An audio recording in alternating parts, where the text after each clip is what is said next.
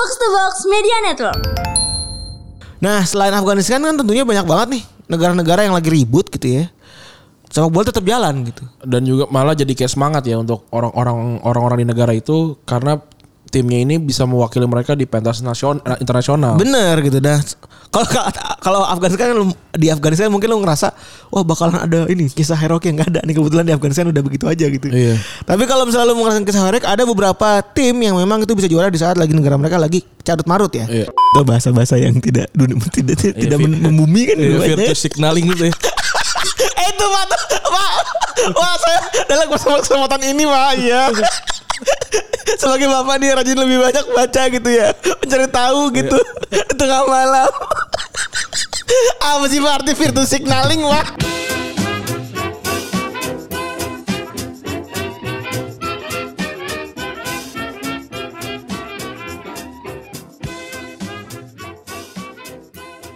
Podcast Retropus episode 321 masih bersama double pivot andalan Anda gua Randi. Dan gua Febri. Di Samsu ya? Eh, enggak ding. Di Tiga dua. Samsu tiga dua. Eh bener dong. Emang iya? Dua tiga empat kalau di Samsu 234, men. Iya. Oh iya, iya salah salah. Tiga dua satu. Udah lewat berarti episode. Oh, kayaknya waktu itu juga juga ngomong ya. Lu udah ngomong pak. Itu gimmick yang lu udah Itu udah gimmick yang lu persiapkan itu. Gue tahu udah 34 Terus ngomong ini episode G Samsu gitu. Oh iya, benar, benar, Ingat benar, gue inget inget tuh 34 tuh. Eh, Gimana yang kemarin sudah mendengar episode 320 Sudah tercerahkan dengan kata-kata Onani? Oh iya, mantap ya. Di telegram di mana? Wah Rani dipuji-puji bro. Gila. Keren gua. Gila bisa menjelaskan onani berdasarkan sejarah. Uh, gila. Kalau bukan Retropus di mana lagi, Bro? Entertainment biasa aja. Banyak baca makanya. eh tapi kalau dari SMP mah susah juga, Pak. Eh habit yang lu bangun kan dari SMP tuh.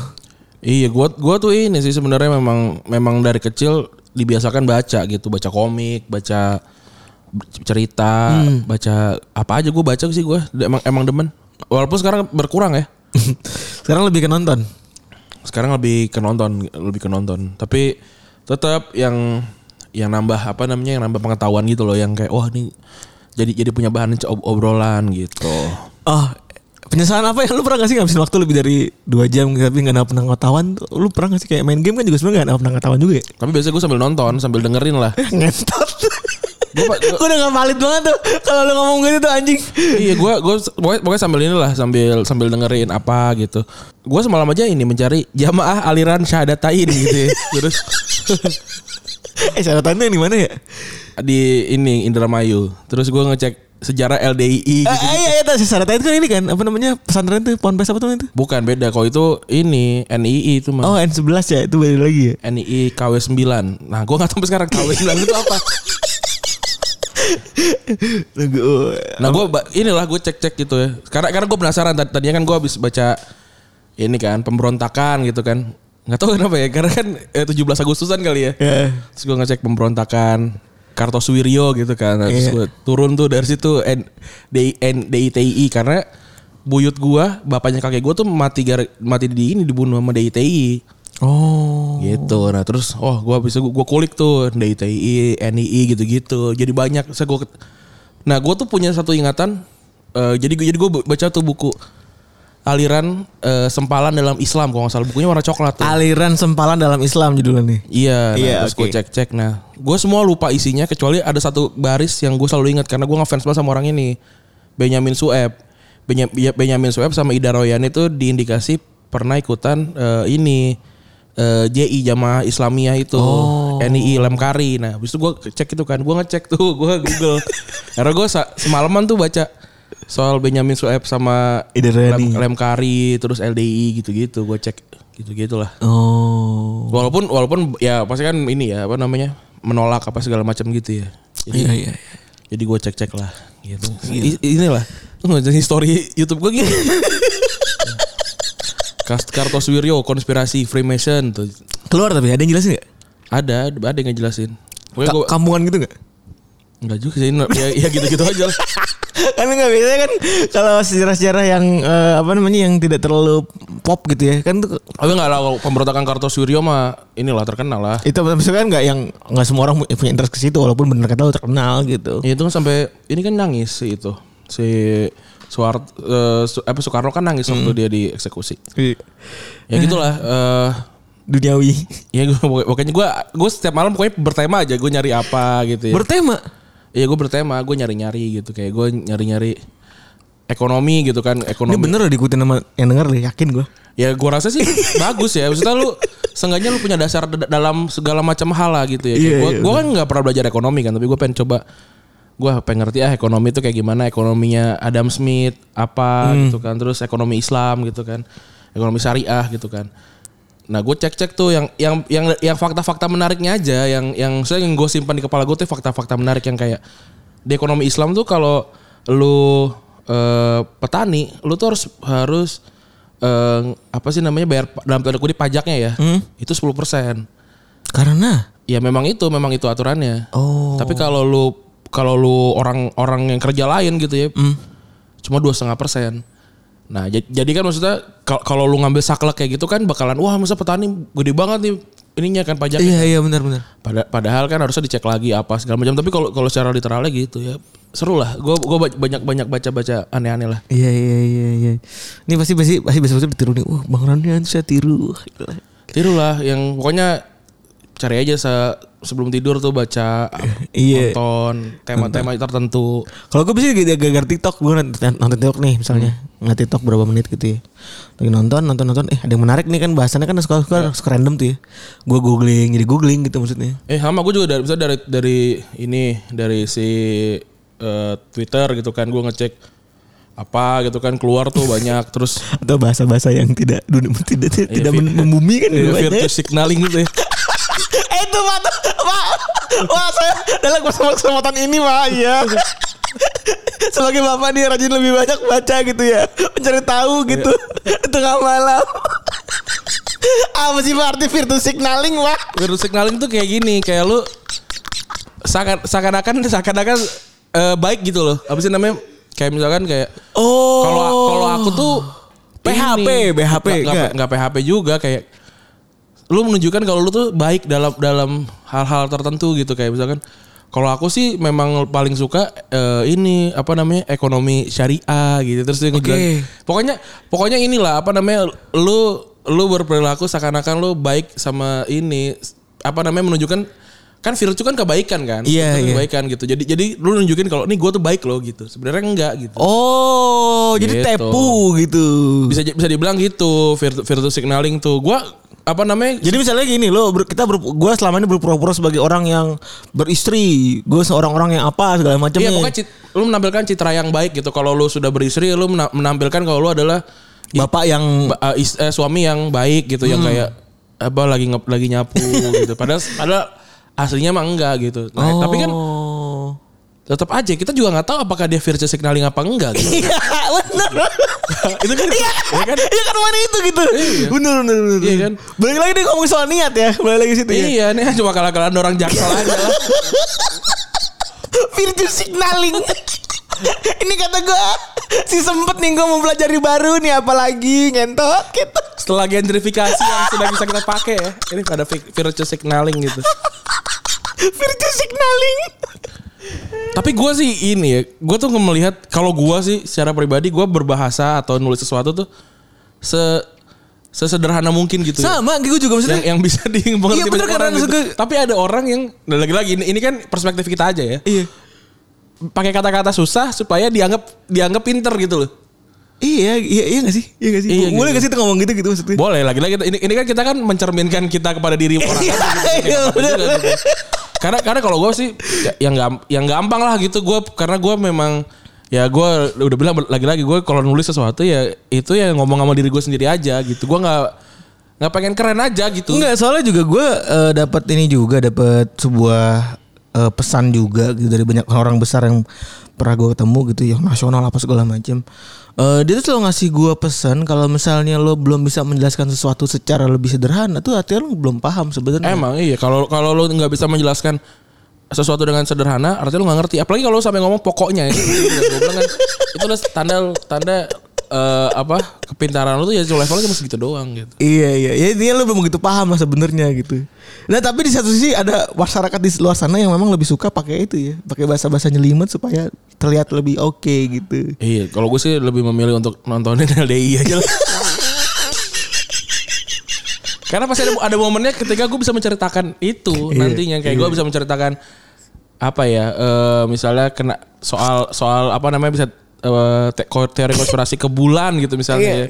atau kenapa misalnya Konstantinopel runtuh gitu ya itu pasti ada waktunya gue cerita gitu tapi kan nanti aja yang penting gue gue baca dulu yang banyak Eh iya tapi, tapi Pak ada yang mau saya tanya nih Pak sebelumnya Pak. Sebelum kita lanjut nih Pak ya. Saya tahu kita nggak bahas yang lain. Di tanggal 17 Agustus kemarin nama Bapak iseng banget nih kayak Yang mana? mencari fakta ke berbagai macam mentionan lucu-lucu itu. Oh iya. Nggak, karena nongol-nongol aja karena karena banyak orang-orang yang ngerti terus gue ini lihat-lihat gitu. Yang ini di Javu. Ini di dalam Islam ada gue gue kan gue juga ngecek kan juga belajar gitu kan. Iya. Menarik. Menarik. ya tuh anjing banget Ya kan- tuh. Menarik. ya kan gue kan gue butuh butuh ini juga. Maksudnya apakah memang beneran ada secara iya. tertulis gitu. Kalau ada ya gue ya enak gitu bisa mempelajari karena kan dejavu tuh sesuatu yang sangat menyenangkan untuk dipelajarin gitu. Karena lu pasti pernah mengalaminya kayak Iya, tiba-tiba datang ke sebuah kota kayak Kayaknya gue pernah ke sini. anjir gue pernah nih ke sini gitu. Tapi tapi mungkin khususnya lebih ke kayak ke tempat-tempat yang lebih kecil kayak kayak misalnya ada tanjakan berputar gitu ya. Terus kayak anjing gue pernah nih di sini nih. gitu. Mikro momen gitu ya berarti. Iya iya.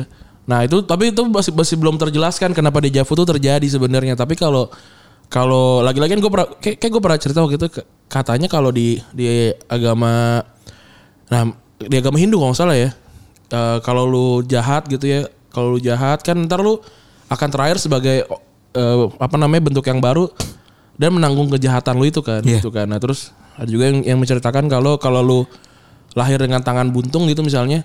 Nah itu kata di kehidupan yang sebelumnya lu tuh mati dengan tangan yang terpotong. Oh. Jadi lu kembali dengan tangan yang terpotong itu. Gitu kan waktu itu gue percatain kan. Nah, Iya, iya.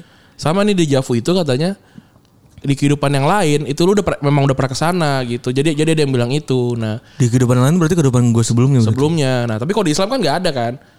Ya kalau kalau di kehidupan yang lain ya maksudnya kalau kalau kalau lu hidup sekarang ya lu tidak pernah hidup di sebelumnya dan tidak akan hidup lagi setelahnya gitu kan. Tidak ada tidak ada yang namanya apa, Reinkarnasi. reinkarnasi gitu kan. Tidak ada samsara gitu-gitu kan. So, ya udah hidup terus mati gitu kan. Nah, nah gue penasaran nih. Di mana di bagian mana nih? Dejavu ini bisa dimasukin. Di Javu di bagian kan kan gue nggak gua tidak menghafal 6000 sekian ayat dan ratusan ribu hadis kan. Jadi mungkin aja orang kita tahu gitu. ya ah, tidak ada salahnya untuk kita bertanya kepada orang random people in social media kan. iya. Tapi nggak dibalas gue. Anak telegram, anak-anak telegram pada ngomong gini lagi. Fake hunter sedang mencari. wow, wow fakta sedang mencari fakta. Gue penasaran. Di Javu, di Javu tuh seru untuk diikuti. Eh, ada apa nih Ran di beberapa hari ke belakang nih? Yang jelas adalah ini ya soal eh, tembok yang di mural ya. Iya. Tadi gue sebelum sebelum rekaman waktu gue OTW ke sini kan gue nonton ini ya. Mendengar lagi tadi apa tadi? eh siapa namanya Mbah Sujiwoto aja bilang kan katanya kalau lu mau kalau lu mau ngapus mural hinaan artinya lu juga harus menghapus mural pujian Betul. biar imbang gitu loh gitu dan kalau kalau apa namanya kalau kalau menurut Sujiwoto Tejo itu kan yang justru yang berbahaya itu adalah pujian bukan hinaan gitu Iya. Kalau kata orang Jawa bilangnya kalau kata orang Jawa tadi katanya kalau pujian itu tempatnya orang mencari apa gitu. kalau hinaan itu tempatnya ada di apa emas gitu kan tapi kalau di- kalau pujian adalah tempatnya tempat meludah gitu katanya gitu. Dan satu, satu sisi gue setuju juga gitu ya. Eh tapi kan tadi sebenarnya yang kalau menurut gue ramai adalah so ini ya ada akun nih gitu ya.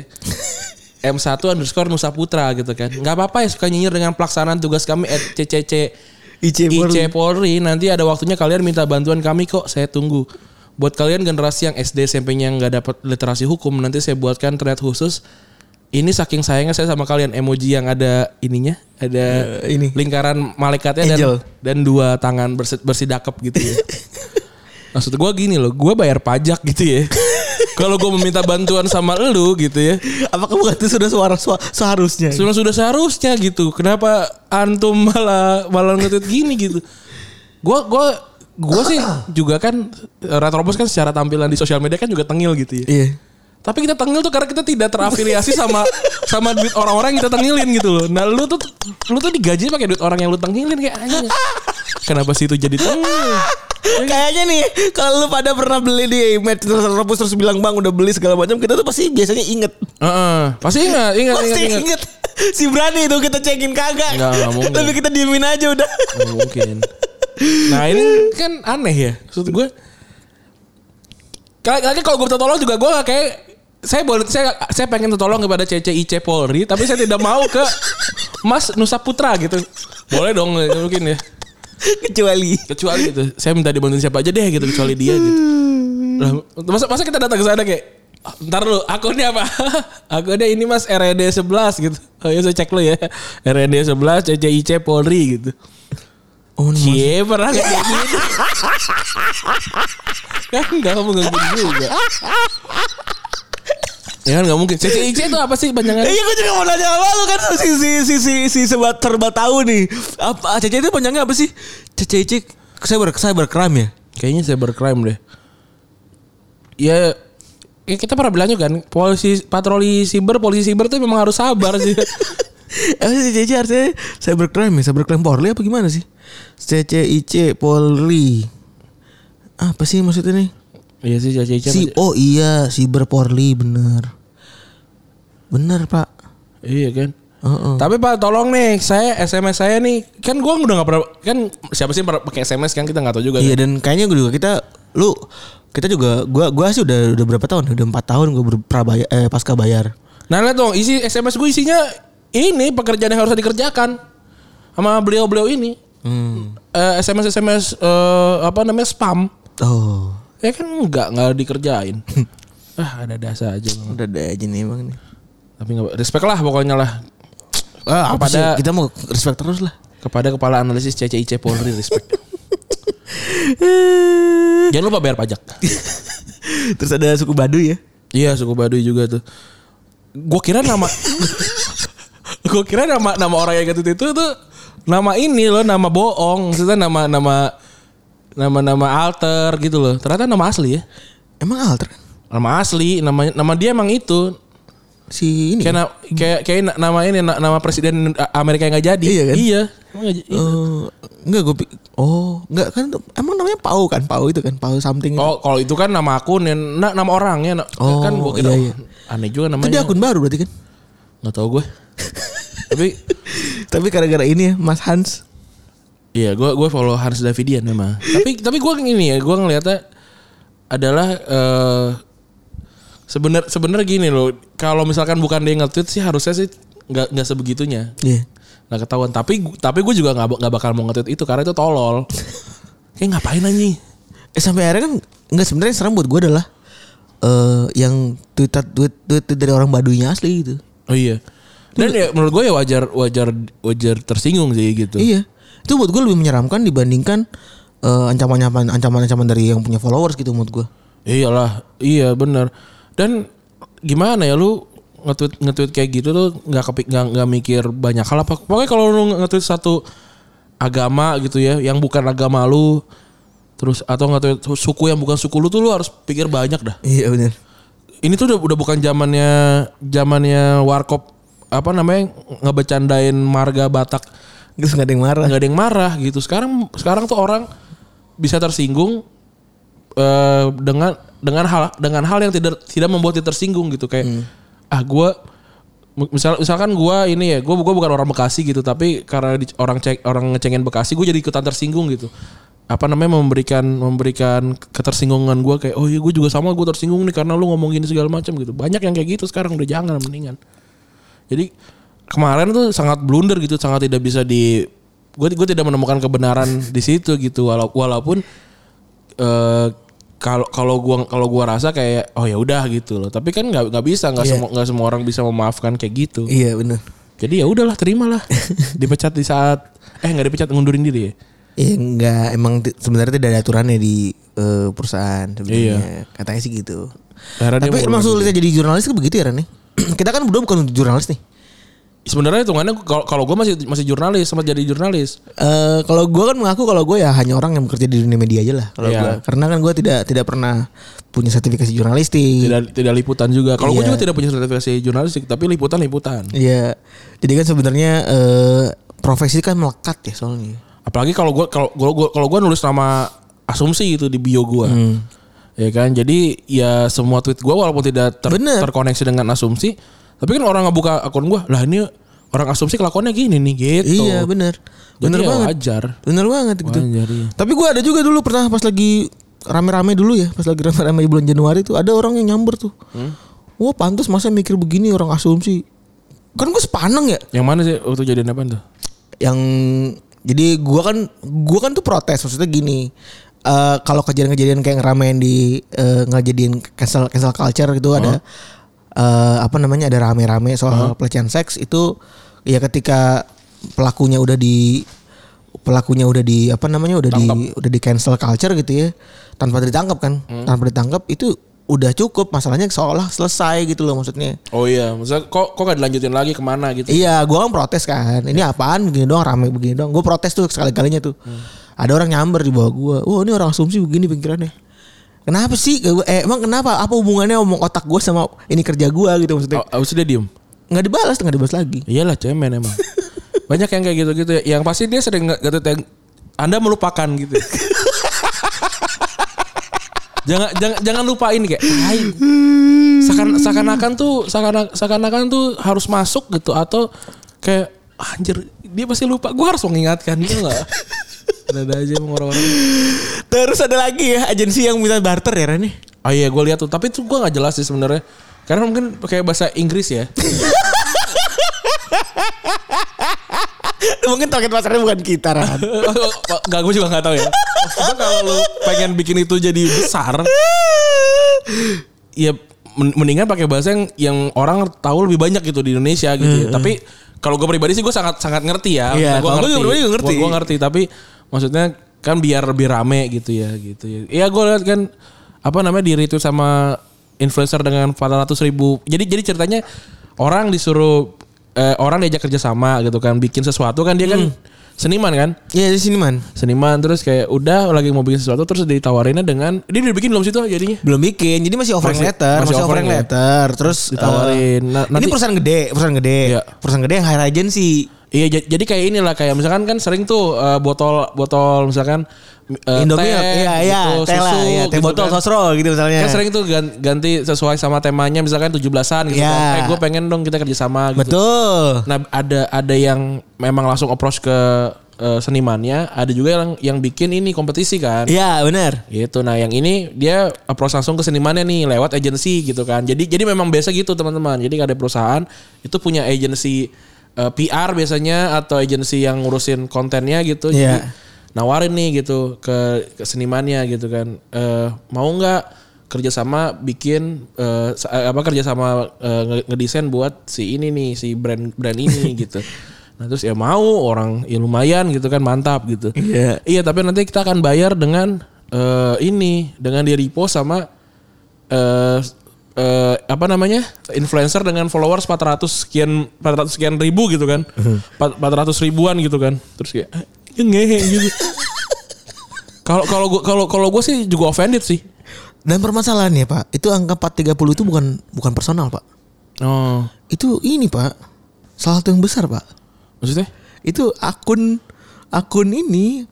Jadi lu kalau diajak kerja sama sama dia emang inilah. Emang lu tuh pasti bakal bakalan wah diajak kerja sama gue nih. Aha. Artis nih ya. Bukan artis pak, Oh, bukan. rumah pak, yang lu langganin pak. Rumah Ini apa namanya rumah streaming pak yang lu langganin. banyak kan langganan gue. Oh ja- ja- jadi jadi cuma ini uh, button exposure. iya. Ini gue sebut aja biar lu kena ya. Iya, Ntar iya. lu potong aja Disney Disney Plus pak. Oh, nggak usah dipotong lah ngapain? kan bukan masalah soal dis, bukan nggak salah Disney-nya kan, agensinya. Iya iya benar benar benar. Agensi, nah agensinya apa nih? Kita Nggak tahu, nggak tahu. Kalau gue juga nggak tahu nggak mau nggak mau nyari tahu lah kalau gue. Bisa, bisa tahu sih. Nggak usah lah. Nah, Tapi ya, kemarin Iqbal udah ngasih ke gue. Oh Iqbal dapat juga tawarannya. Enggak, Iqbal, Iqbal tuh kan nge-spill duluan tuh. Kan Twitter muncul ya kan. Iqbal nge- nge-spill di stories. Iqbal tuh ini ya apa Eh, namanya? desainernya Asumsi. Desainernya asumsi. ngasih lu stories Wah ada dapetan juga pak. Gue gituin kan. Agensinya apa nih kalau boleh tahu? Dia dia nge-spill Setelah dia nge-spill eh, ininya Setelah dia ngomongin soal uh, tweetnya Dia habis itu nge-capture Followersnya tuh disamain. Oh. 430 Iya, iya, Which leads to Disney itu tadi. Iya iya iya iya. Terus ya udah. Udah begitu eh apa namanya Udah begitu gue nanya agensinya apaan bang Katanya sih ini bang gitu ngasih Ah. gitu Nah kalau misalnya ke situ itu tuh sangat tidak sopan kalau menurut gua. Tapi tapi kan orang juga bisa ya jangan gitu kalau emang nggak mau ya nggak mau aja gitu. Ya bukan masalahnya kayak lu kan misalnya lu dagang nih ya. dagang combro sama misro di pinggir tol Bintara tuh ada tuh. Biasanya tuh kalau gua mau ke Bogor tuh beli sama misro tiga puluh ribu. Iya, kalau nggak kalau keluar dari Anyer tuh beli tahu. Iya bener.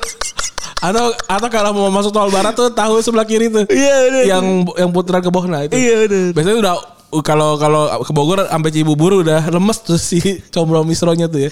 Misalnya kayak gitu nih gitu ya. Lu punya bisnis combro misro di pinggir jalan sebelum masuk jalan tol. Terus ada ada keluarga eh, lewat nih. Balik gitu kan. Mas ini beli berapa gitu. Dua puluh ribu gitu. Ini pas ini. Kita sih gak punya duit nih. Tapi anak saya masuk pesantren doanya diijabah. Tapi Iya. nggak, ini kalau selanjutnya. Tapi ini kebetulan ponakan saya ini yatim. Iya. Bapak tahu nggak? Bapak tahu nggak? Kasihan tuh orang, orang yatim. orang yang menjaga anak yatim di surga akan sama Rasul tuh seperti jari jari ma- jari eh, telunjuk dan jari tengah pak. Bapak tahu nggak sedekat itu gitu. Jadi berikan saja dua puluh ribu eh, comro dan misro ini maka anda ada didoakan gitu. Ya nggak boleh nggak bisa gitulah. Iya bener nggak boleh gitu. Iya kan aneh juga nggak nggak bisa nggak boleh gitu. Jadi wajar orangnya offended walaupun cuma dikasih tawaran gitu loh. Ah, Kenapa gitu jadi dia anak yatim? Saya kan juga yatim kalau anak orang itu. Nah itu jadi kalau kalau kalau gue pribadi sama Retropus gitu ya kalau kita kita udah udah bukan di posisi yang itu lagi. Dulu sih kita masih mau tuh ya. Masih mau bener masih mau. Masih mau. Kita sih nggak bohong. Kita sih nggak bohong. Iya. Namanya kita butuh panggung ya kan. kan keren juga wah ke- kerja sama sama ini gitu Iya. walaupun nggak dibayar gitu nggak apa-apa kalau sekarang sekarang aja kita ngebayar kru kita aja udah udah ada ada budgetnya kan ini Iya. kan kita emang nyari duit buat bayar teman-teman kita ini gitu Hmm. Kalau misalkan masih kayak gitu ya nggak bisa dan juga misalkan diajak kerja sama nih gitu gue diajak kerja sama sama eh, perusahaan besar banget gitu Amazon gitu misalnya ya Iya. Terus yang ngerjain kita gitu desain desainnya gitu. Walaupun ada desain by Retropus di caption atau di mana gitu. nggak sebegitunya gitu kalau menurut gua mah. Bener. Kecuali kalau kalau apa namanya? Kalau misalnya di, dibikin kayak gimana gitu. Tapi tapi gue juga juga masih nggak ngerti sih. Kan lu di hire sama itu bak dikasih duit ya. Dikasih duit buat ada budget promosi dan segala macam, budget desain dan gitu-gitu. Kenapa nggak dikeluarin ya? Ya begitulah namanya eh apa namanya namanya industri. Eh, kadang-kadang di tengah-tengah nih suka nginjek nih yang bawahnya. Iya. Aduh, emang ada-ada aja. ya. Iya. Tambah lagi kadang-kadang suka influencer juga mintanya gratisan juga. Iya Padahal kan dia kan minta barter nih, tapi ngomongnya nanti kakak bisa begini-gini, jadi jadi persuasi ngepersuasi lagi gitu. Iya, ta- tapi gini ya, lagi-lagi ya, eh, exposure itu memang gak ada harganya, tapi juga bisa luar biasa harganya. Kalau misalnya tiba-tiba Raffi sama Nagita lihat merchandise-nya Retropus gitu ya, terus bilang, eh aku mau dong jersey yang, eh apa baju yang ini gitu. Wah, gua kirim. Gue kirim, Enggak pakai Gua air kirim. ya. Oh, bener. nggak gue kirim terus gue juga nggak berharap diposting. Iya. gitu loh. Jadi, jadi senggak senggaknya tuh si si si screenshotan DM-nya tuh udah cukup udah cukup banget tuh, udah Iya, gede bener. banget tuh harganya Bener, gitu. bener, bener. Nah, kan kan lagi-lagi jadi jadi jadi anomali gitu, jadi jadi beda gitu ya. Ya ini memang memang sangat tricky gitu. Eh, ini kan lebih tergantung sama orangnya, orang yang orang yang di disuruh kerjanya gitu ya. Kalau dia memang mau ya mau. Tapi kalau enggak ya wajar dia marah dan dia spill Betul. tuh wajar. gitu. Betul. Jadi intinya jadi don dan first firstnya jangan as as it for free lah. Iya benar benar benar. Biasanya juga artis-artis yang tahu diri gitu kayak eh gue mau dong ini gitu. Kayak kita ngasih ke Aci, Aci kan Aci kan juga kan eh gue beli aja deh gitu waktu kita di stand up Indo kan. Udah nggak usah ambil aja gitu. Ya udah nggak apa-apa juga diposting syukur nggak juga nggak apa-apa Iya, gitu. benar. Udah biasa aja. Gitu. Memang memang kalau yang mannernya ada mah ada gitu. Iya. Gitu, aja lah kalau kita mah udah. Iya. Sebenarnya ada satu lagi tapi udah udah udah penuh banget nih ya. udah 28 menit gitu ya. Si Yoga dan Revina VT belum dibahas tuh. Wah. Oh yoga yang ini ya kontrol ke mana-mana ya. Iya ngirim kontol. Iya. Itu itu parah banget dan ya lu bisa cek lah Revina VT, Yoga lu bisa search ya. tapi kalau gua sih ngelihatnya gua gua pengen menyorotnya adalah orang-orang yang masih ngebelain kayak anjing kontol banget parah banget kenapa kenapa sih kok jahat banget gitu eh, posting-posting di apa namanya di doxing di apa gitu kan padahal kata Revina nomornya mah udah ada di sosial media dia orang dia juga sering banget ini nge-reply cewek-cewek BO tau nggak yang kayak- yang pengen pe- yang Iya tahu yang-. Cantik gitu. Iya, Mau dong DM dong. Iya gitu kasih nomornya gitu. Jadi jadi nggak di doxing katanya gitu. Walaupun ya kan disebarkan juga ya maksudnya di, di akun dia gitu. Terus juga kan para para bahkan dia juga udah minta maaf segala gini gini segala macam gitu. Kalau kalau gua ngeliatnya ya ini mah haknya orang yang jadi korban maksud gua gitu. Kalau kalau kalau dia kalau dia mau mukulin atau dia mau mau apa mau mau segala macam gue sih juga ya ya memang gue sih membela korbannya gitu mau gimana pun. Soalnya konteksnya seks ya. Iya konteksnya gitu. tuh pelecehan seks nih balik lagi nih. Iya. Kalau misalnya konteksnya adalah ngecengin mak gua gitu misalnya. atau misalkan ngecengin ya bukan Iya. ngatain atau misalnya ngomongin soal apa ya kalau misalnya cukup balik lagi yang personalnya kan Iya. kalau minta maaf memang cukup ya udah gitu Iya, tapi kan kalau- ini pelecehan seks gitu maksudnya Iya kalau misalkan pacar gua atau misalnya apa namanya sepupu gua atau adik gua gitu cewek dikirimin foto kontol foto kontol gitu. Gue cari orangnya. iya gue cari beneran gue cari ya mungkin lebih parah dibandingin Revina gitu. Walaupun misalnya nggak nggak di sosial media. ya. bener bener bener bener banget gitu Gitu. Jadi jadi sih waktu gua ngeliat wah wajar gitu. Nah, gua gua sama kan gue bisa selalu menemukan kayak aku mewajarkan orang juga juga marah gitu sama Revina yang, yang terlalu berlebihan. Nah, gue nggak bisa gue yang gini. Ya udah wajar gitu dia mau ngapain juga wajar. Orang dia bilang kan ini ini tuh nggak nggak cuma sekali gitu. Nah gue, nah dia pengen nunjukin kalau kalau lu kayak begini sama gue, lu bisa begini gitu loh kejadiannya gitu. Dan gak semua cewek juga punya tenaga untuk ber- bisa kayak gitu gitu. Bener. Ja- Jadi ya ini untuk nunjukin nih cowok-cowok cowok-cowok kayak gitu tuh jumlahnya banyak banget, ya ya banyak banget gitu. dan gue sepakat sih ada juga kan banyak juga tuh eh, apa namanya cewek-cewek yang nggak nggak nggak berani buat speak speak up ada yang diculik sama segala macam lu baca nggak pernah baca nggak Gue lihat tuh, gue lihat ada. yang diculik ke mana gitu kan Iya, ke iya. hotel terus dipaksa ngewe gitu gitu Era era ditemuin yang Cianjur kan? iya bener Yang Cianjur. Nah, itu tuh memang agak emang agak-agak tricky gitu. Nah terus orang-orang pada bilang, ya lagian mau aja diajak. Lah kan kita nggak tahu anjing. bener Wala- walaupun misalkan mau diajak gitu ya. Terus kal- kalau emang nggak boleh dia mengurungkan niat. apa nama sebutannya nih Ran Apa? ada istilah lagi nih satu nih Tolol kan? bukan deh. Gue kira sebutannya tolol, bukan deh. Bukan itu loh yang nakut-nakuti perempuan supaya gak berani lapor apa segala macam apa tuh. Gaslighting. itu dia. itu dia. Iya. Jaksel culture banget gue nih. Jago banget lah. Jago gue nih. Abis Fir- Jadi teman-teman di hari ini kita sudah belajar dua kalimat. Dua kalimat ya. Pertama. Ada virtue signaling Yang kedua. dan gaslighting. Gaslighting itu kayak lu lu yang salah tapi lu yang yang apa namanya yang bikin orang yang eh, korban lu justru merasa dia salah gitu. Hmm. Lagian gini ya, ini terakhir nih ya.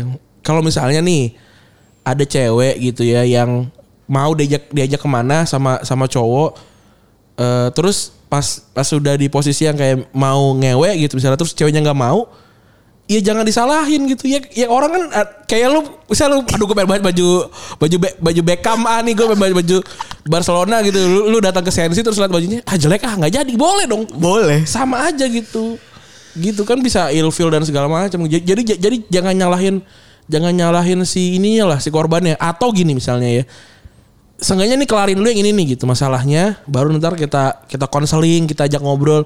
Kok kamu mau sih keluar ke sana pas udah tenang gitu? Iya. dan itu bukan tugasnya netizen. Iya bener sih. ah emang ada-ada aja nih Ada kali ya kita bahas bola kali ya. Bahas bola, itu udah udah dua istilah bro dalam satu episode kapan lagi? kapan lagi bro Sumpah gaslighting virtual virtual signaling tuh luar biasa lah retrobus tuh kan. Ini pasti gue yakin ya banyak pendengar kita juga bingung nih baca Twitter apa sih artinya gitu. iya benar ya, ini kita bantuin ingin bertanya kita, kita bantu mas-mas mas-mas yang tidak mengetahuinya Benar ingin bertanya ke society tapi takut diin- diinjak kan. Iya, di, cek Google juga belum tentu benar. Bener Itulah Jadi begitu ya teman-teman semua ya Kita hari ini akan langsung, langsung bahas bola ya Ada beberapa hal yang bisa Dari recent update yang ada nih Yang pertama ada Locatelli yang resmi ke Juventus ya harga cuma 35 juta, murah banget ya. Iya Walaupun sebenarnya Juventus kemarin sempat morat-marit juga buat bayarnya Iya. Terus eh, ada Ronaldo yang nolak gosip kalau dia pindah ke PSG atau City ya dan dia bilang kalau dia masih pengen di Juventus. Ini ini kenapa dia kenapa dia sampai bikin bikin surat terbuka gitu karena yang ngeberitain itu emang wartawan deket. Wartawan yang kalau Ronaldo ulang tahun diundang. Jadi orang tuh sangat percaya banget sama ini. Kurang ajar ya. Dan dia yang ngeberitain waktu pertama kali Ronaldo pindah ke Juventus kan si itu kan Di Marzio eh si Romano kan nggak tahu. iya. Ada orang ini yang nge- ngeberitain gitu. Jadi Ronaldo ngerasa harus speak up. Ya lu lihat gak ada gambar kucing tuh? Terima kasih sudah speak up. Jadi rame-rame itu? Ada ibu-ibu. Terima kasih sudah speak up. Aduh, aduh, ada-ada aja nih. Oh, dia ngasih begini. Gua gua tuh soalnya tiba- kayak tiba-tiba tuh kayak "Ah, kenapa emang? Kan cuma gosip men gitu loh. Ya, iya Eh, benar. Awalnya ngerasa gitu gue. Terus ada jersey ketiga pemain templatenya jelek banget ya.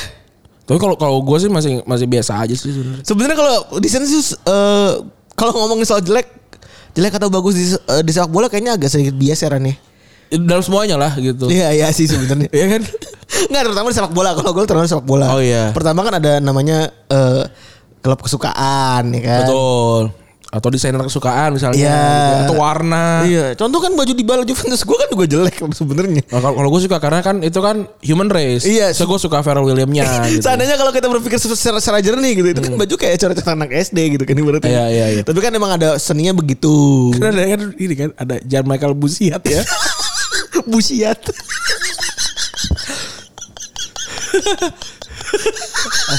Dia pelukis tuh pelukis kayak gambar bocah. Tahu gue, tahu banget. Busiat tapi kan berak di celana nih by the way. Dibacanya bukan Mas Kuat lah, bukan Busiat nih. Anjing juga nih Anda nih. Oh, gue jadi jadi ada ide desain ntar. Eh, ada lagi sebenarnya yang masih di keep ya. Apa? Ada lagi yang masih di keep kan? Apa desain? Iya. Oh enggak bukan ini desain ini desain buat sosial sosial media aja. Oh, sosial media aja. Oke. Terus selanjutnya eh City siap-siap katanya buat beli Duslan Vlahovic Vlahovic yang kita juga belum tahu siapa siapa Ya karena Harry Kane tuh ini dibawa buat Europa League.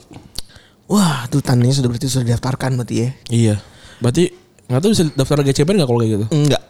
Oh ya berarti emang deg-degan juga tuh. Harus di Januari, harus Januari. 125 juta kan si Harry Kane kan. Kalau kalau menurut gue sih beli aja sih. Dan Lewandowski per tadi kita berangkat Iya, iya. itu baru bilang kalau dia tuh available to market ya pengen nyoba tantangan baru kan di, di yang beritaan Sky. pengen nyoba tantangan baru dari Bayern ya. Tapi Bayern pengen jualnya serat more than 1 million. More than 100 million ya. Eh 100 million. Yang sebenarnya umur dia udah 30. Dia kelahiran berapa sih? Sem- sembilan- 91. Eh gua gak tahu dua Dia tuh 31 atau 30 berapa sih? Apa 30? kayaknya enggak deh dia. Lupa gua. Pokoknya angka segitu angka yang mahal banget lah ini. Tapi tapi kalau levelnya Lewandowski sih gua rasa cocok sih. Iya sih. Dia dia mas sendirian jago banget anjing. Sekarang soalnya ini eh, pemain tuh cepat jagonya dan lama nggak jagonya gitu loh. Cepet jagonya lama nggak jagonya tuh gimana tuh? Jadi cepat jagonya dari umur 18 terus Oh. eh, turunnya tuh umurnya udah 35 gitu. Iya iya iya iya. Gitu. Jadi jadi gua rasa bakalan oke lah nih. Mm. Dulu kan pemain tuh picknya 28 sampai 30 habis sudahan gitu. Iya. Karena umur 32 udah ngos-ngosan tuh mainnya. Iya. Iya benar benar. Sekarang umur 35 udah masih pada bisa kayak Masih Ronaldo bagus, ya. iya. Thiago Silva kan bagus-bagus. Terus eh apa namanya sebenarnya ini terjadi juga di di dunia internasional Ren ya. Hmm.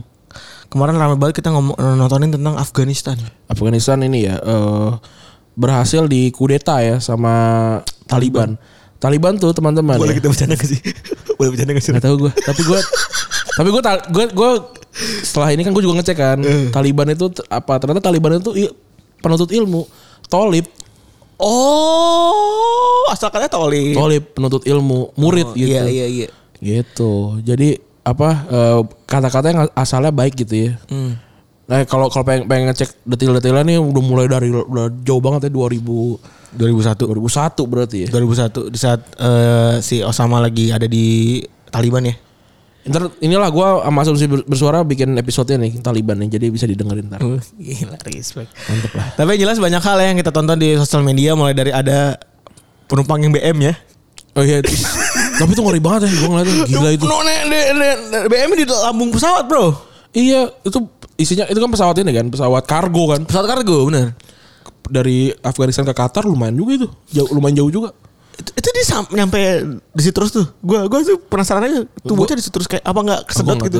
Gua juga nggak tahu sih.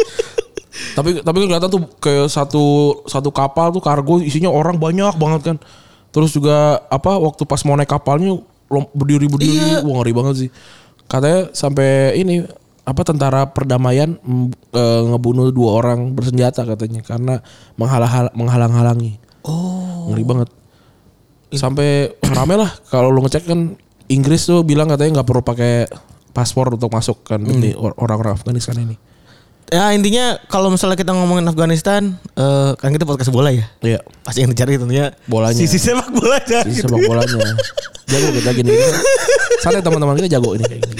Tapi ini yang jelas kalau misalnya buat memahami dulu ya, memahami secara singkat tentang uh, apa yang terjadi di Afghanistan gitu ya. Jelas itu pertama gara-gara uh, in- invasi sejak 11 September dah. 9-11 ya. Iya 9/11 2000 2001 2001. 2001 ya.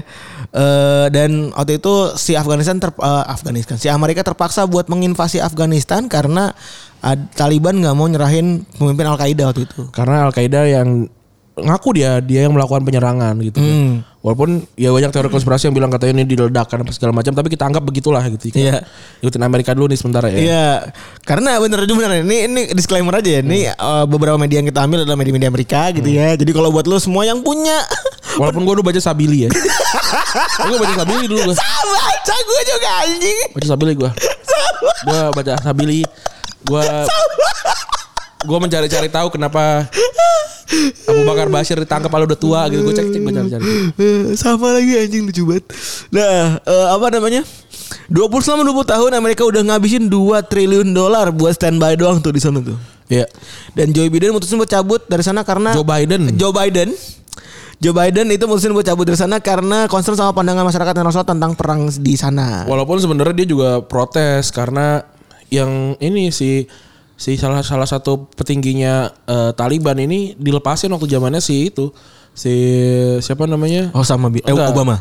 si Trump Oh si Trump. gitu kan datanya dia di, udah di Guantanamo nggak salah kan terus dilepas nah udah balik ke sana eh malah jadi ini makanya si Joe, Joe Biden marah juga tuh kemarin Nah, jadi Joe Biden itu kan negara gue udah beres nih urusannya gitu kan. Aku cabut ah, ya kan. Nah, si Joe Biden ngomong gini, salah sendiri tentara lu udah didik 20 tahun tapi kayak masih goblok-goblok aja.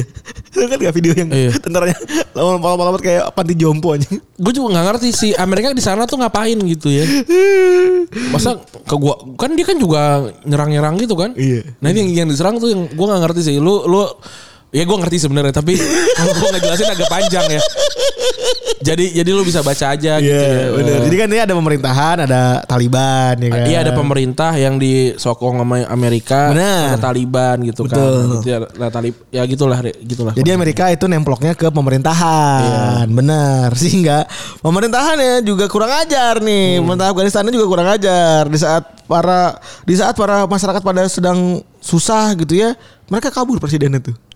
Iya melarikan diri ke UAE. ya Uni Emirat Arab. Iya, Kabut ya. kabur bawa bawa duit katanya. Itu kan sempat tuh ada videonya yang eh, orang Taliban masuk ke menteri apa Oh. Iya. siapa gitu. Itu gila ya. Rumahnya ini Mewah rumahnya banget, anjing. kayak di Menteng gitu. Iya, ya. bener. Gila ya juga. ya. Mewah banget itu, parah banget itu, parah. Ya kan ini apa namanya absolute eh absolute power tends to corrupt. Iya. Terus absolute apa gitulah gue juga nggak. Tapi gitu. Ya intinya perangnya seperti itulah. Walaupun konteksnya ya balik lagi ini Amerika kan seperti biasa kan recokin negara orang kan. Iya. Amerika ini kayak tetangga aja gitu kayak. Oh, Amerika tuh kayak netizen Instagram. Ya kan ya? Kayak gitu persis kayak kita kita bikin desain. Kita bikin desain terus kayak harusnya ada itu tuh. itu Amerika Itu Amerika tuh, itu Amerika tuh. Itu Amerika tuh kita bikin desain nih, ada lima desain terus datang dengan dengan tidak tahu apa-apa gitu. Ya, harus ada itu tuh. Bahkan Anda melupakan itu.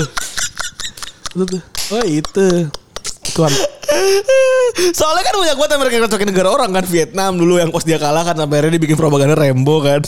Banyak ini Amerika mah. Amerika aja punya ini kan punya punya banyak tempat-tempat apa namanya? eh, pa- eh, pangkalan militer di mana di di dekat Fiji ada, Iya. di ini mana, terus juga ngerecokin banyak negara gitu. Itu tuh. Oh ternyata netizen Instagram tuh Oh ini influence Amer- jauh lah. Amerika in nutshell. Iya. Itulah tuh. Ini begitu ya. Eh, kan kita gampang nih jelasin ke orang gitu kan. Enggak enggak perlu pakai virtual signaling lah. Itu sama bahasa lucu banget sih itu sama gaslighting. Enggak, gue tuh suka gedek gitu. Lu kenapa gak sih nggak pakai nggak pakai pakai bahasa yang biasa aja sih lu pada? Biar suka keren. Nah, eh, apa namanya?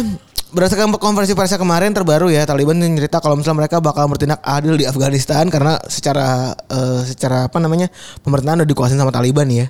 Soalnya udah diserah terima sudah, serah terima kekuasaan juga dan eh, istana kan kosong ya, jadi udah udah udah ke eh, Taliban dan mereka berjanji akan melindungi masyarakat Afghanistan eh, serta eh, apa namanya ada juga spesifik mereka ngomong kalau akan menghargai hak-hak perempuan di Afghanistan Iya. asalkan bisa tunduk pada hukum syariah. Ya itu ngeri lah gitu ya kalau apa namanya melihat tindak tanduknya mereka gitu ya. Tapi ya ya udah kita anggap begitu dulu lah gitu. Iya. Karena kita mau ngomongin bolanya. iya bener pak. Soalnya tuh media kan perspektifnya beda-beda ya. Beda-beda. Tapi Itu dari, dari zaman dulu nih kita kan sebagai orang yang pernah di pesantren dan pernah di ini juga. Jadi kadang-kadang suka baca preferensi yang benernya kayak gimana, yang salahnya gimana gitu dah. Pokoknya intinya kita ngomongin fakta dulu nih ya yang Iya. ada gitu. Nah gimana tentang sepak bola di Afghanistan gitu lagi kerusuhan gini sebenarnya sepak bola di Afghanistan udah ada sejak tahun dua- 1923 ya. Klub pertamanya itu namanya Muhammadiyah FC. Mahmud Muhammadiyah nih, bukan Muhammadiyah nih. Mahmud dia. Yang dibuat tahun 1943 1934 dan bergabung ke Liga India tahun 37 karena nggak ada liga di negaranya kan. Nah, si Afghanistan sendiri tuh nggak pernah main di laga internasional sejak tahun 84 hingga 2002. Ya. Liga yang ada di Afghanistan itu ada ada dua sebenarnya. Yang pertama ada Kabul Premier League. Tesi. Sumpah ini gue gue malah lagi kemarin tuh gue gini sini loh. Bau gue mengangkat sedikit tuh. Lucu gue kalau lihat Tesi gue ngebayangin Tesi pakai baju SMA. Tahu gak lu? Tahu lah. Itu tuh kenapa ya? tahu tahu tahu tahu gue tahu tuh terus eh itu Kabul Kabul Premier League itu tahun 2006 katanya itu buat awal jadi liga premiernya Afghanistan lah itu diselenggarain bubble-nya di ibu kota Afghanistan doang terus habis itu ya supaya dapat keamanan kan lalu dibentuk Afghan Premier League pada tahun 2012 peserta cuma 8 tim Ya. eh dan kebanyakan yang juara tuh namanya, namanya Sahin Asmayi FC. Itu klub dengan gelar terbanyak itu 5 gelar Liga Primer dan klubnya ini dari Kabul ya. Ya. Dan fun fact-nya ketika dia itu ngebentuk timnya itu dibuka dari reality show. Oh, kayak ini ya apa? Eh reality show bola gitu kali ya? Iya benar reality show bola. Jadi Indonesia mencari bakat. Oh gitu ya. Iya kayak benar begitu kan. Jadi jadi yang kalau lolos jadi si Syah Syahin ini terus yang nggak lolos dia mungkin diambil sama tim lain kali ya. ya mungkin semacam itulah. Iya. Apalagi kan Afghanistan lu nggak punya tim inilah, nggak punya tim apa namanya, nggak punya tim profesional gitu kan. Iya. Terus hingga saat ini sebenarnya kalau ngomongin soal Afghanistan kita nggak bisa eh, melihat sebuah kisah-kisah heroik gitu ya Ran ya. Iya. Tidak ada sebuah kisah-kisah heroik dari yang namanya eh, tempat penuh teror, tempat lagi yang lagi sedang lagi kisruh gitu ya. nggak ada kisah heroik dari sana bahkan mostly ya emang jadi semenjana aja nih si Afghanistan eh, bolanya gitu ya. Mereka main di Asian Games tahun 2002 dibantai 10-0 dari Iran, 11-0 dari Qatar dan 10-0 dari Lebanon gitu. Terus baru menang satu kali, singkat gue di tahun 2004 nggak salah lawan Kyrgyzstan cuma menang 2-0 tuh kemenangan semenjak 20 tahun eh, lalu gitu ya. Nah, Tapi dia ternyata ini loh ikutan Olimpik kemarin loh. Ikutan lalu kemarin dia. Kemarin ikutan eh, atletik eh, lari 100 meter putra. Karena memang kalau nonton ini ya eh, apa sih namanya film Ka- itu? Kite tuh? runner. Kite runner yang yang anak kecil lari itu ya. Iya, kite runner kan. Kite runner itu apa? Itu yang yang anak anak kecil sama adenya itu ya. Iya, yang ini kan. Yang sepatu sepatu itu. Iya, Oh itu itu kan lari, itu kan maraton ya. sepatu ya, bener sepatu ya, lupa gue namanya. Soalnya ada ada ada dua film Afghanistan. Eh, itu mah Iran yang lari itu mah. Yang yang sepatu itu kalau Cat Runner tuh buku ya itu Afghanistan yang ini kan yang dia apa namanya dilecehkan sama ini ya sama temennya kan. iya benar. Tapi gua gua belum nonton filmnya tapi gua nonton eh gua baca bukunya Yang di Sodom kan dia sama temennya iya. Nah, terus kalau ngomongin Afghanistan uniknya di saat sepak bola yang belum maju gitu ya, mereka itu punya eh, punya liga sepak bola perempuan. Hmm. Uniknya sebagai langkah politik kali nih. Iya. Bisa dibilang gini, maksudnya pemerintah kan Amerika banget nih, liberal banget, mau manas-manasin Taliban kali ya. Bisa jadi Karena kan Taliban ingin punya cita ingin eh, mengedepankan syariah gitu Negara kan. syariah. Eh, negara syariah gitu kan. Jadi kan sangat menolak adanya perempuan berkegiatan di di luar rumah gitu. Nah, di tahun 2007 itu eh, per- eh, sepak bola perempuan liganya itu dibentuk gitu kan. dibalik alasan olahraga balik lagi cuma alasan politik yang jadi alasan utama nih kenapa si Afghanistan eh, bikin Bikin sepak bola perempuan. sepak bola perempuan. Nah, dengan kondisi kayak sekarang udah jelas kalau misalnya ya para sepak bola perempuan di Afghanistan udah udah paling jadi orang yang paling terancam kan ya. Bener kan nggak kan harus pakai ini kan apa namanya sesuai syariah yang menurut Taliban benar gitu ya. Bener.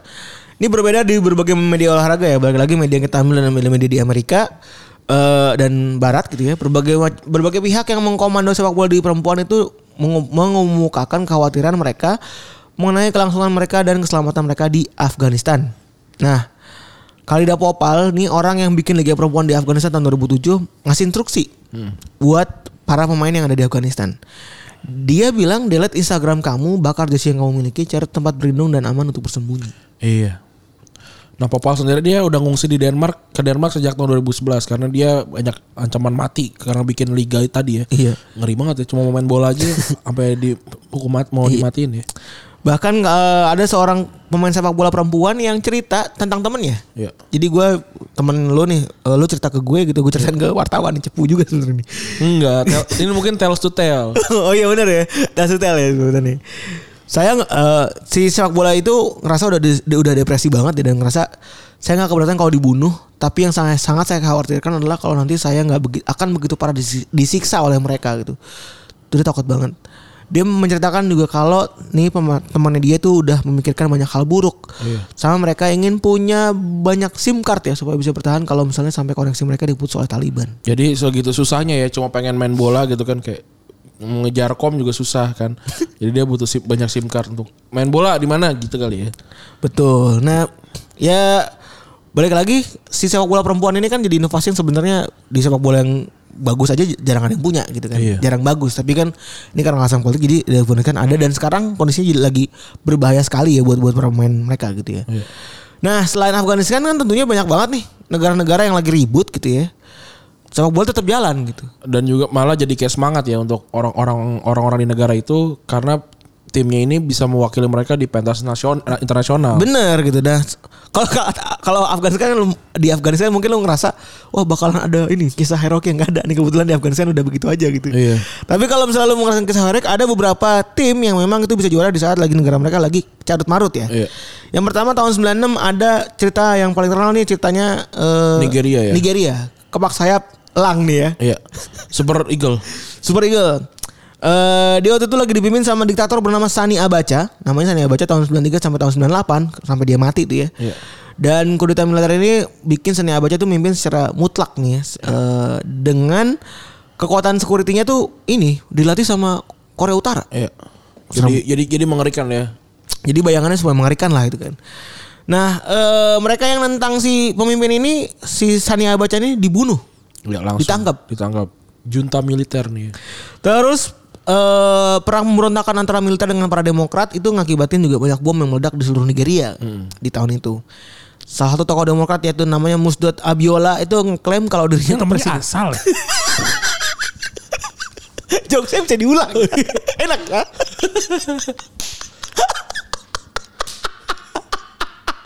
Tapi mungkin ya namanya nggak nama Indonesia ya. Jadi kita mungkin ngerasa kayak aneh. Mungkin gitu. ya namanya karena beda banget kali ya. Iya, nama beda ya. Kok Kayak, kayak Babang Ngida tuh apa gitu. Iya, agak aneh gitu. Kayak kasar namanya. Nah dia ngaku sebagai ini ya presiden waktu itu. Ya kan si Lagi aneh ya. Orang lagi aneh. saya presiden gitu. Dan akhirnya ditangkap. Tapi masih ada cerita di baliknya. Iya pasti ada, pasti ada. Dan mereka ditangkap, dia ditangkap, ditawan, habis itu mati di penjara nih. Betul. Sian banget nih orang dia. Terus eh, apa namanya? Abaca juga dikritik karena banyak eh, dikritik karena banyak nangkep eh Aktivis beberapa ya. aktivis ya. Dan ngebunuh ya. Dihilangkan lah gitu. Iya benar. Jadi eh, ada salah satu yang dieksekusi mati digantung Betul. di umum dan itu jadi salah satu kenapa si Nigeria begitu diperhatiin sama eh, apa namanya biasalah ham-ham gitu kan. Iya.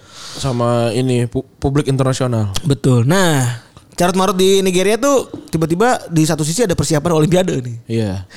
Persiapan Olimpiade yang mana kan lagi perang nih ya, dipisahin tuh para pemain Olimpiadenya tuh, dipisahin ke camp yang jauh gitu ya. Terus eh mereka itu ternyata tetap banyak masalah. Gitu. ada masalah masalah demi masalah yang datang nih ke timnas Nigeria sebelum mereka berhasil berangkat ke Atlanta nih. Iya.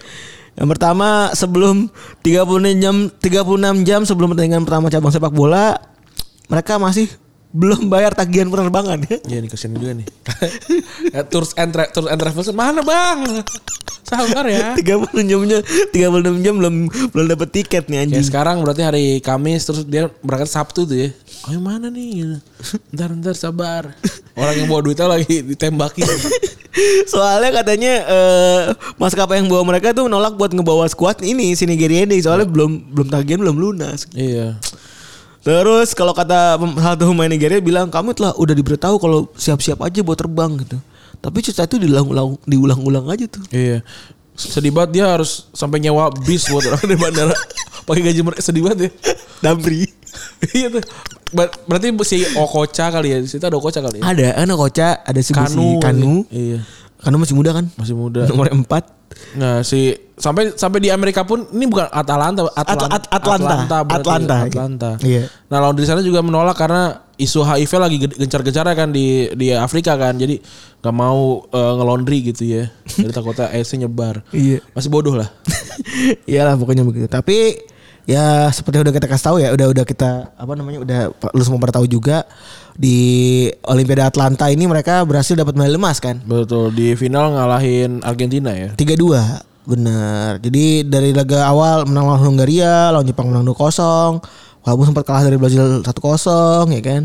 Di semifinal ada pertandingan yang cukup historis ya. Ya. Ketika mereka secara secara dramatis ngalahin Brazil. Brazil. Eh, dan ada Nuan Kokano nyetak dua gol ya di dua menit terakhir tuh. Ini sebelum Arsenal kan dia? Dia 96, dia baru juara 95 sama ini ya. Sama Ajax ya. Oh iya benar. Baru juara dan dia golin juga Nuno Kanu. Benar. Nah di kemenangan ini jadi pesta rakyat Nigeria yang disorot sama publik. Iya. Eh ini kalau kata Joseph Dosu ya penjaga gawang nih ngomong apa asal namanya nih. Enggak, kalau ini enggak. Masih bagus. Kalau ini kalau ini pasti ini kan eh, nama-nama Kristen nih. Iya Joseph ya kan. Udah udah masuk Kristen Iya. nih. Menyenangkan menjadi juara, kami mengobrol, menari dan bernyanyi sepanjang malam setelah kami meninggalkan lapangan. Kami melakukan sesuatu yang tidak bisa dilakukan oleh tim Afrika lainnya. Terus kalau kata Jajaya Okocha dia bilang sepak bola adalah satu-satunya hal di Nigeria yang menyatukan kami. Bagi orang di Nigeria ini mungkin hari paling bahagia dalam hidup mereka. Wah, ini banget. kayak Indonesia kemarin kan waktu menang medali emas kan semuanya kan bahagia kan gitu kan. Iya. Bener tuh.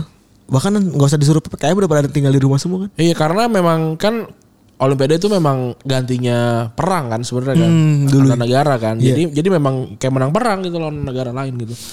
Nah, eh, pemain Nigeria habis itu sambut kayak pahlawan ya sama masyarakatnya masing-masing dikasih bonus apartemen mewah, sebidang tanah sama uang 236 ribu eh, Nigeria. Iya.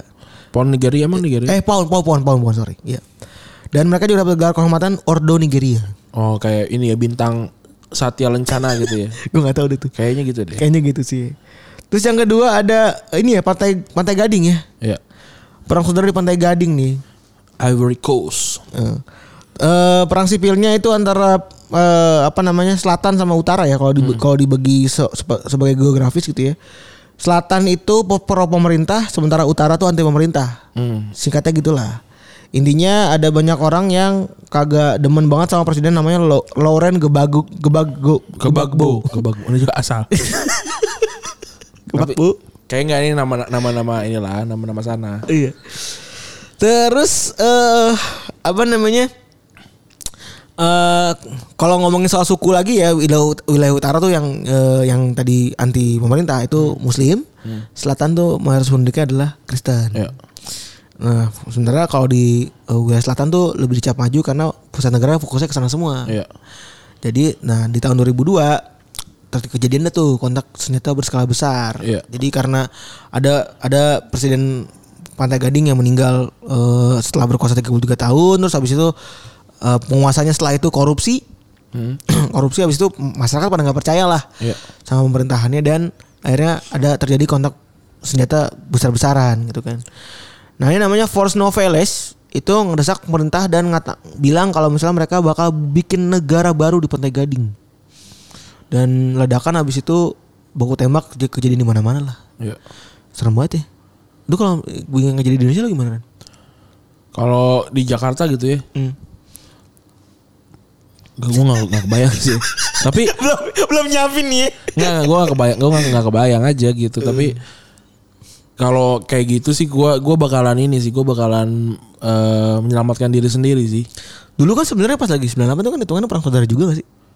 Bukan beda. Kalau perang saudara kan ya kalau kalau gue mengibarkan yang kuat sama-sama kuat lah gitu. loh. Kalau Oh, ini kan kan kalau ini kan ini kan Peni- aks- aksi massa kalau gue. Penindasan nih, penindasan kalau kemarin. Iya.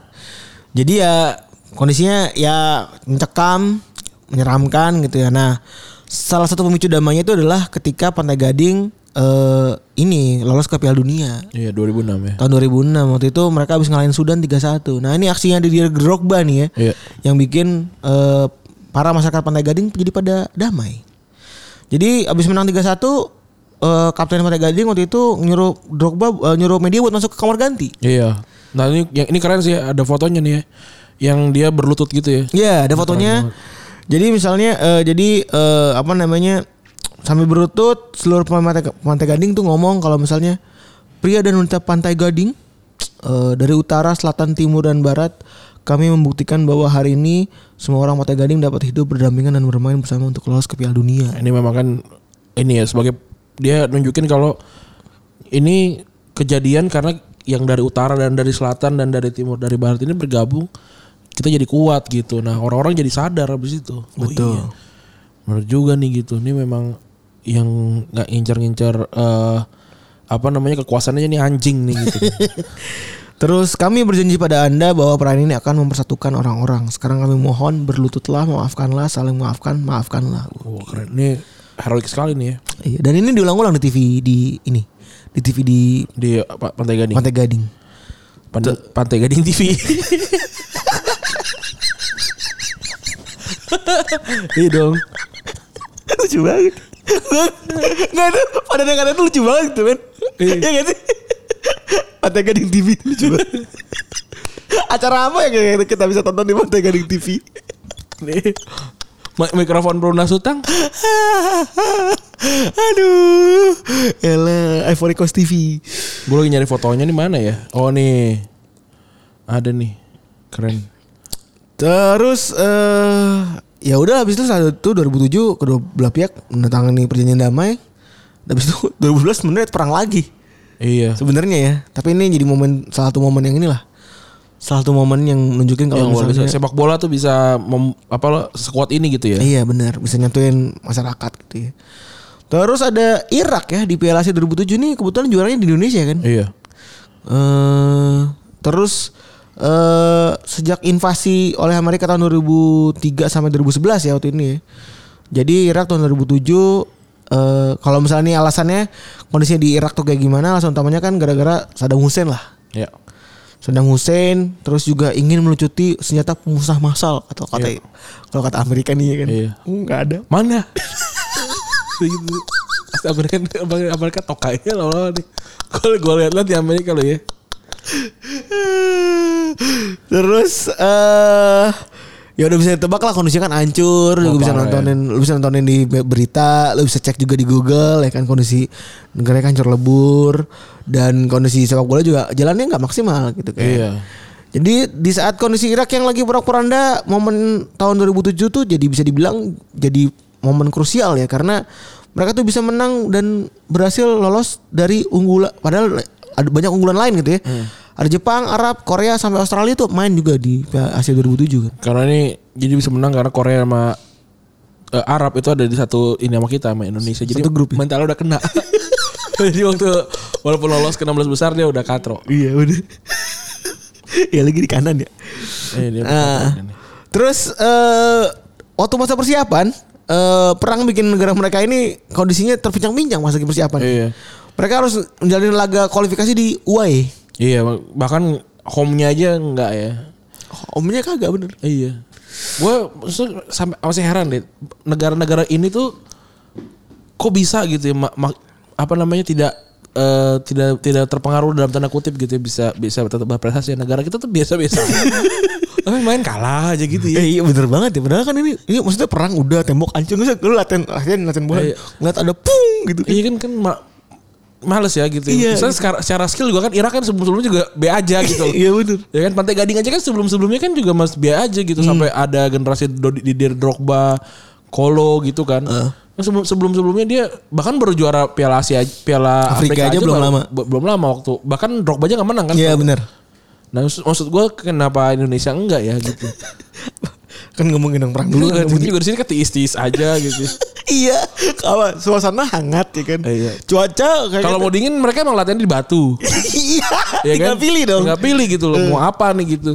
Terus juga liganya dimanjakan gitu ya dibandingin dibandingin apa eh, olah- olahraga lain gitu ya. Kok gini-gini aja gitu ya. Gue juga heran gitu. Wajar orang pada marah-marah sama Indonesia gitu ya. eh, sepak bola Indonesia. Nah terus eh jadi kalau tadi kan mungkin kalau di Nigeria itu persiapannya teknis ya. Iya. Ini persiapan non teknis, non teknis nih karena banyak banget keluarga yang meninggal karena perang nih. Iya ibu tiri gelandang Hawar Muhammad meninggal Asisten pelatih mereka dirampok tuh? Saat ke Vietnam Sial banget ya Fisio- fisio- Fisioterapis mereka jadi korban bom di Baghdad Pelur- eh, Beberapa supporter juga jadi korban karena kena peluru nyasar Kayak anjing ngeri banget ya Sumpah ini main bola doang bro gitu kan. Iya Eh di- terus juga mereka karena perang juga harus latihan di Yaman dan waktu itu ada pelatih namanya Jorvan. Iya Eh ditunjuk dua bulan sebelum turnamen dan bahkan pas pertama kali masuk tuh cuma 6 pemain yang ready. Eh, Main futsal aja masih kurang loh Buat cadangan Gila ya iya anjing, bener juga lu. Main futsal aja nih ngos-ngosan cuma 6 gak ada yang ganti. Gue nih gue main FM pak Main FM gue beli Salah satu jagoannya mereka Yonis Mahmud nih Nah. Karena gue menghargai 2007 kan gue main FM. Apa waktu itu masih pesantren kali ya Irak gue beli Tapi dulu bagus dia ininya eh, Skill ya Dia penyerang ya? Gelandang AM Hmm. Nah, habis itu eh udah udah kagak punya main ya.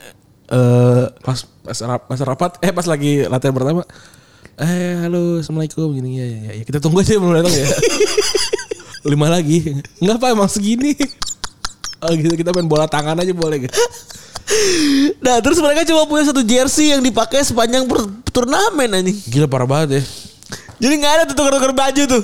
Iya setukar baju nah, Bau gitu kali ya Nggak ada tukar-tukar baju tuh, nggak ada tuh apa namanya pemberian merchandise apa segala macam nggak ada nggak ada tuh. pokoknya. Emang Irak 2007 tuh ininya apa aparel ya gue cek Aparelnya apa coba cek? Kayaknya aparel lokal sih kan gue namanya Arab-Arab gitu. Coba gue cek Iya gak sih? Ya kok cek Irak 2007 Yang pertama keluar tentara ASEAN G Eh apa Ya, Asia Asia Cup. Coba gue cek ah Dia apa ya Terus eh bahkan oh, umroh Oh umroh ya? Umroh. Wah jahat ya ngomong umroh nih. Oh umroh kurang ajar nih Gak seset doang bro. Sesetel doang. Satu setel doang gila Gue aja SD masing-masing dua setel Gila ya Walaupun nomor 17. Iya Terus walaupun beli alisan tuh ya. Kerahnya keras lah tuh Kaku banget Kerasan kan kalau mau beli kaku banget sumpah deh. Tegap banget kayaknya tuh. Kayak akpol plesir Sumpah. Itu anjing banget tuh. Mau baju warna lu nih. Warna-warna alisan lu tahu kan warnanya putih nih kan. Putih. Putih. Ijonya ijo luntur tuh. I- iya hijau itu Tahu kan? hijau iya, Ijo nanggung kan? hijau nanggung Biru nanggung. ada biru dongker juga ada Ada biru dongker juga tapi sama merah sama merah. merah marun itu tet pakai alisan tuh Iya. Merah marun. Itu baju yang sering banget dipakai abang gua tuh. gua juga juga dulu waktu masih kerja kantoran gitu gua pakainya alisan Ya Allah. Tegap banget lagi bener dah. Oh, kerahnya doang. Enggak, badannya letoy, kerahnya doang yang ngaceng tuh. beli bulannya naikin dua biar lama kan Aduh. Ya udah, bahkan salah, salah satu pemainnya si Irak ini udah pesen tiket, Pak, buat balik.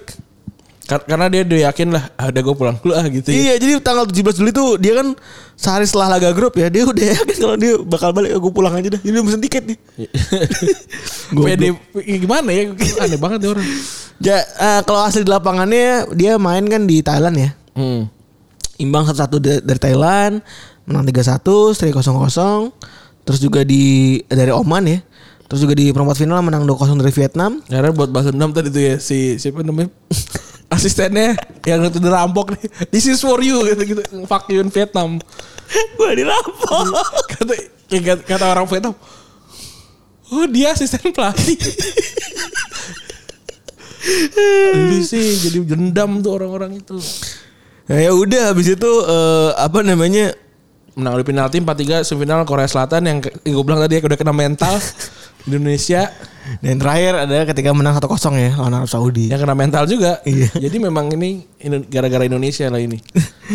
Dan kalau kata jurnalis internasional Simon Hill dia bilang kalau ini adalah mimpi di tengah carut marutan negara mereka ya. Iya. Dengan mereka sangat lengkap, tim yang sebelumnya tanpa harapan, tim yang tidak punya home base, pelatih yang baru bekerja dua bulan, menunggu di lobi hotel berjam-jam, tim yang sempat tertahan karena paspor, namun memberi, namun berhasil memberi sukacita bagi negaranya yang berantakan. Gila keren banget ya ini. Sangat inspiratif sekali ya. Iya. Politik mungkin membuat mereka gagal, tapi sepak bola berhasil mengalahkan itu semua. Irak juara Asia. Uh. Oh, keren banget. Iya. Ini nulis orang Inggris nih, tinggal di tinggal di Australia. Terus ya udahlah, akhirnya kan seperti biasa tumpah ruah. Itu kalau ada yang lagi berantem, ntar dulu anjing. oh iya iya iya. Iya saya gitu. Kayaknya sih gitu ya. Iyalah. Gue juga kayaknya mungkin begitu dengan kalau misalnya ada lagi berantem nih sama orang ya, ntar dulu lah. Ntar dulu kan kita selebrasi dulu bangsat nanti aja Bola dulu, Oh iya iya bang. ya. Kalau kalau kalau kayak gitu sebenarnya yang yang layak jadi presiden ya ini ya orang-orang ini ya. Parah ini, parah apa Kayak Drogba gitu ya di Pantai Gading gitu ya atau atau kayak Yunis Mahmud gitu di Irak gitu ya. Si Drogba kayaknya mau main politik juga deh. Kayaknya. Tapi dia masih enjoy dengan ini ya dengan dengan punya klub gitu kan di, di ini. Terus yang terakhir tuh ada konflik yang sampai sekarang masih berlangsung ya. Ya kalau ini klub ya tadi kan negara semua nih. Walaupun ini juga ada hubungan sama negara ya. Kalau ini terjadi di Ukraina, Iya. di daerah Donetsk. Bukan Donetsk. Apa gimana sih? Iya kan Donetsk. Sumpah, Iya kan? ngomong lu aksi banget. Iya kan? Donetsk. Kesel banget gue denger ya. Donetsk. Donetsk. Jadi ini kenapa seperti ini karena konfliknya nih Ukraina kan sebelum- sebelumnya kan eh, Uni Soviet ya. Nah, Ukraina mengalami konflik besar pada 2014 saat pemberontak ini menduduki kota Donbas. Iya. Nah, terus nggak lama ad- eh, kota Luhansk dan Do- Donetsk juga didudukin. Nah, pemerintah Ukra- Ukraina berusaha, berusaha keras untuk ambil alih kota tersebut tapi sulit karena pihak Rusia ini ada di balik eh, para ini Pemberontak. pemberontak ini gitu. Karena ya tadi kalau mereka kalau misalkan ini bisa kerebut dari dari si Ukraina bisa pindah ke Rusia gitu. Bener. Makanya Kemarin tuh kan kemarin kan ya? rame kan Iya. ka- eh, jersinya kan Ka- karena ini eh, si Donetsk ini masuk di ini di jersinya. Hmm, padahal sedang dikuasai oleh Rusia. Oleh Rusia gitu. Pemberontak, kurang ajar emang. Sama nih Rusia emang sama Amerika. Amerika. Kelakuan netizen Instagram. Bangku oh enggak, kalau Rusia Rusia mungkin kalau kayak gini kayak ini kayak temen lu yang eh ini apa? Yang kalau lihat kita beli jajan itu apa? Celabitan. Minta. Lu udah tahu, misalnya kita udah tahu ya, sekarang kan belinya bakso gitu ya. Eh itu apaan tuh? Kontol kata gue. Itu apaan tuh? Eh mau dong nyobain dong. Bagi dong nih. Terus bag- baginya juga nggak nggak kira-kira gitu. Kalau Sebenarnya paling anjing tuh bagian gak kira-kira tuh sumpah dah. Iya maksudnya kan, kan ada kalau bakso gitu ya kan bakso dia kan banyak banyak elemen ya. Iya. Ada eh, apa namanya eh, mie, ada ada sawi gitu kan, ada bakso kecil, ada bakso gede gitu. Iya. Lu minta bakso kecil aja nyet, bakso gede buat gua gitu. Ini motong bakso bakso gede anjing gila. Gak ada Gue otak. jadi kangen bakso jamet gue nih. Kalau gue bakso ini gue bakso siapa namanya itu? Bakso yang ba- bakso Oh bakso pikul ya masjid ya. iya bakso Batman kalau Iya, gue bakso nama Robin. Kangen juga tuh gue pakai mie nya mie rebus Indomie lagi kan. Iya, itu baksonya emang enak, enak banget tuh. Itu kuahnya aja udah enak banget itu ya. Iya. Si bukan bakso jamet ya, kalau bakso jamet kalau Tetenya yang enak. Tetenya yang luar biasa. kalau bakso, kalau bakso jamet kan ini kan bakso ini kan bakso markas. kan. bakso markas. Jadi kan banyak orang keluar dari rame-rame gitu kan. Iya. Jenisnya sama kalau kalau yang si bakso yang sore itu gue mantap banget lah. Itulah serba-serbi Albayan. Mungkin pendengar kita yang Albayan tahu juga nih. Nah, balik lagi ke, ke Ukraina ini ya. Eh abis itu eh kelompoknya namanya Euromaidan nih namanya nih. Eh gara-gara gara-gara mereka itu jatuhin presiden namanya Viktor Yan Yan Yanukovych. Dah gara-gara ini terus juga si Rusia kan kayak netizen in- Instagram ya. Hmm. itu nge- ngegeritil-geritilin ngegeritil-geritilin apa namanya Ukraina terus terus juga si milisi pro Rusia itu kan ngeduduki ngeduduki wilayah timur Ukraina ini tadi kan. Jadi gini ceritanya kan, kalau ada negara yang terpecah gitu kan, Hmm. Banyak banyak orang-orang di daerah yang terpecah itu sebenarnya nggak mau pecah gitu, nggak mau Hmm, nggak mau iya. terpisah gitu. Nah termasuk di daerah, daerah ini di di timur ini gitu ya, banyak yang pindah, ya- banyak yang jadi Ukraina, eh, jadi warga negara Ukraina, walaupun mereka sebenarnya pro sama Rusia gitu. Jadi apa namanya waktu ada kejadian ini banyak juga yang di situ tuh emang ya udah gue memang memang pengennya sih jadi jadi Rusia gitu. Sehingga memberontak lah mereka kan. Iya, nah jadi waktu itu milisi yang pro Rusia ini menduduki wilayah timur Ukraina tadi ya gitu. Nah eh, dan si Donbas ini eh, lokasinya si siapa namanya Shakhtar ini jadi eh, kancah utamanya nih gitu ya. Pertar, apa namanya medan perang utamanya gitu ya. Nggak selesai sampai sekarang gitu sampai udah ribuan korban jiwa gitu ya. Terus juga banyak orang jutaan dari Donetsk yang harus ngungsi gitu ya. Akhirnya Shakhtar juga akhirnya harus ngungsi. Harus ngungsi gitu. Karena Donbas arenanya kan bolak-balik kena perang kan. Eh, kena apa segala macem. Terus juga pemain asingnya mungkin takut lah anjing. Bener. Pada, padahal waktu waktu itu kan eh, apa namanya si Shakhtar itu luar biasa sama pemain-pemain ya kan Brazil. Brazil ya kan gitu. Nah ini sampai akhirnya mereka harus ini harus ngungsi 100 kilo ke daerah Lviv. ini ya. Jadi Geli. Lviv ini. Nah, terus nah si Lviv ini ternyata juga ini apa namanya juga juga juga nggak nggak aman-aman Nggak aman banget. gitu. Nah ya udah akhirnya Jadi mereka pindah lagi ya. akhirnya mereka pindah ke ini ke stadionnya eh, Metalis Kharkiv ya, Metalis Iya. Stadium ya. Iya. Gitu. Peta. Jadi pindah ke sana eh, pada tahun 2017 nih. Langsung pindah lagi ke Olimpiski National Sport eh, Sports Complex di Kiev gitu. Jadi eh, kasihan gitu ya. Padahal basis masa itu kan dia salah satu tim terbesarnya Ukraina gitu kan. Bahkan sekarang kalau menurut gua dia tuh udah mewakili Ukraina kalau menurut gua dibanding Kiev, dibanding Dinamo Kiev ya. Iya iya. Shakhtar tuh kayaknya udah lebih lebih ini Dinamo tuh dibanding- polisi berarti ya? Iya, Polisi. udah, iya. Jadi ya Shakhtar tuh udah udah udah lebih daripada Dinamo Kiev yang dulu ada Shevchenko gitu kan. Bisa membawa eh, nama Ukraina tapi ya Shakhtar tuh lebih daripada itu. Udah ngasih pemain-pemain kan banyak banget tuh. Yang ini dari Shakhtar. Dario Serna, Dari Serna, Willian, Eduardo. Eduardo. Iya jadi maksudnya ini buat ke yang tadi gue sebutin ke Ukraina ya. Hmm. Jadi ya memang sayang banget ini ibaratnya kayak apa ya ke Persija mungkin ya yang yang harus pindah dari Jakarta karena Jakartanya nggak kondusif gitu ya. Jadi bener. emang menyedihkan banget gitu. Eh, dan tapi walaupun begitu sejak 2014 nih ya, di- di- mereka tetap menangin 4 gelar liga dan 4 gelar Piala Ukraina gitu. Jadi Gila. jadi, jadi luar biasa gitu ya. Ini emang bener ya. Kayaknya kita doang ada ayam tapi kagak ke mana-mana nih. Iya. Sepak bola. Emang ya ya gimana dong ya? Agak susah gitu ya orang orang orang orang Indonesia eh, pengen, pengen lihat main bola yang bener aja tuh udah susah banget gitu ya. Nih, Kan kita banyak asas pradugata bersalah gitu ya. Ah, bersalah sih kayaknya ya. So kita udah tahu kayaknya kayak salah nih negara ini bikin bikin sepak bolanya nih gitu.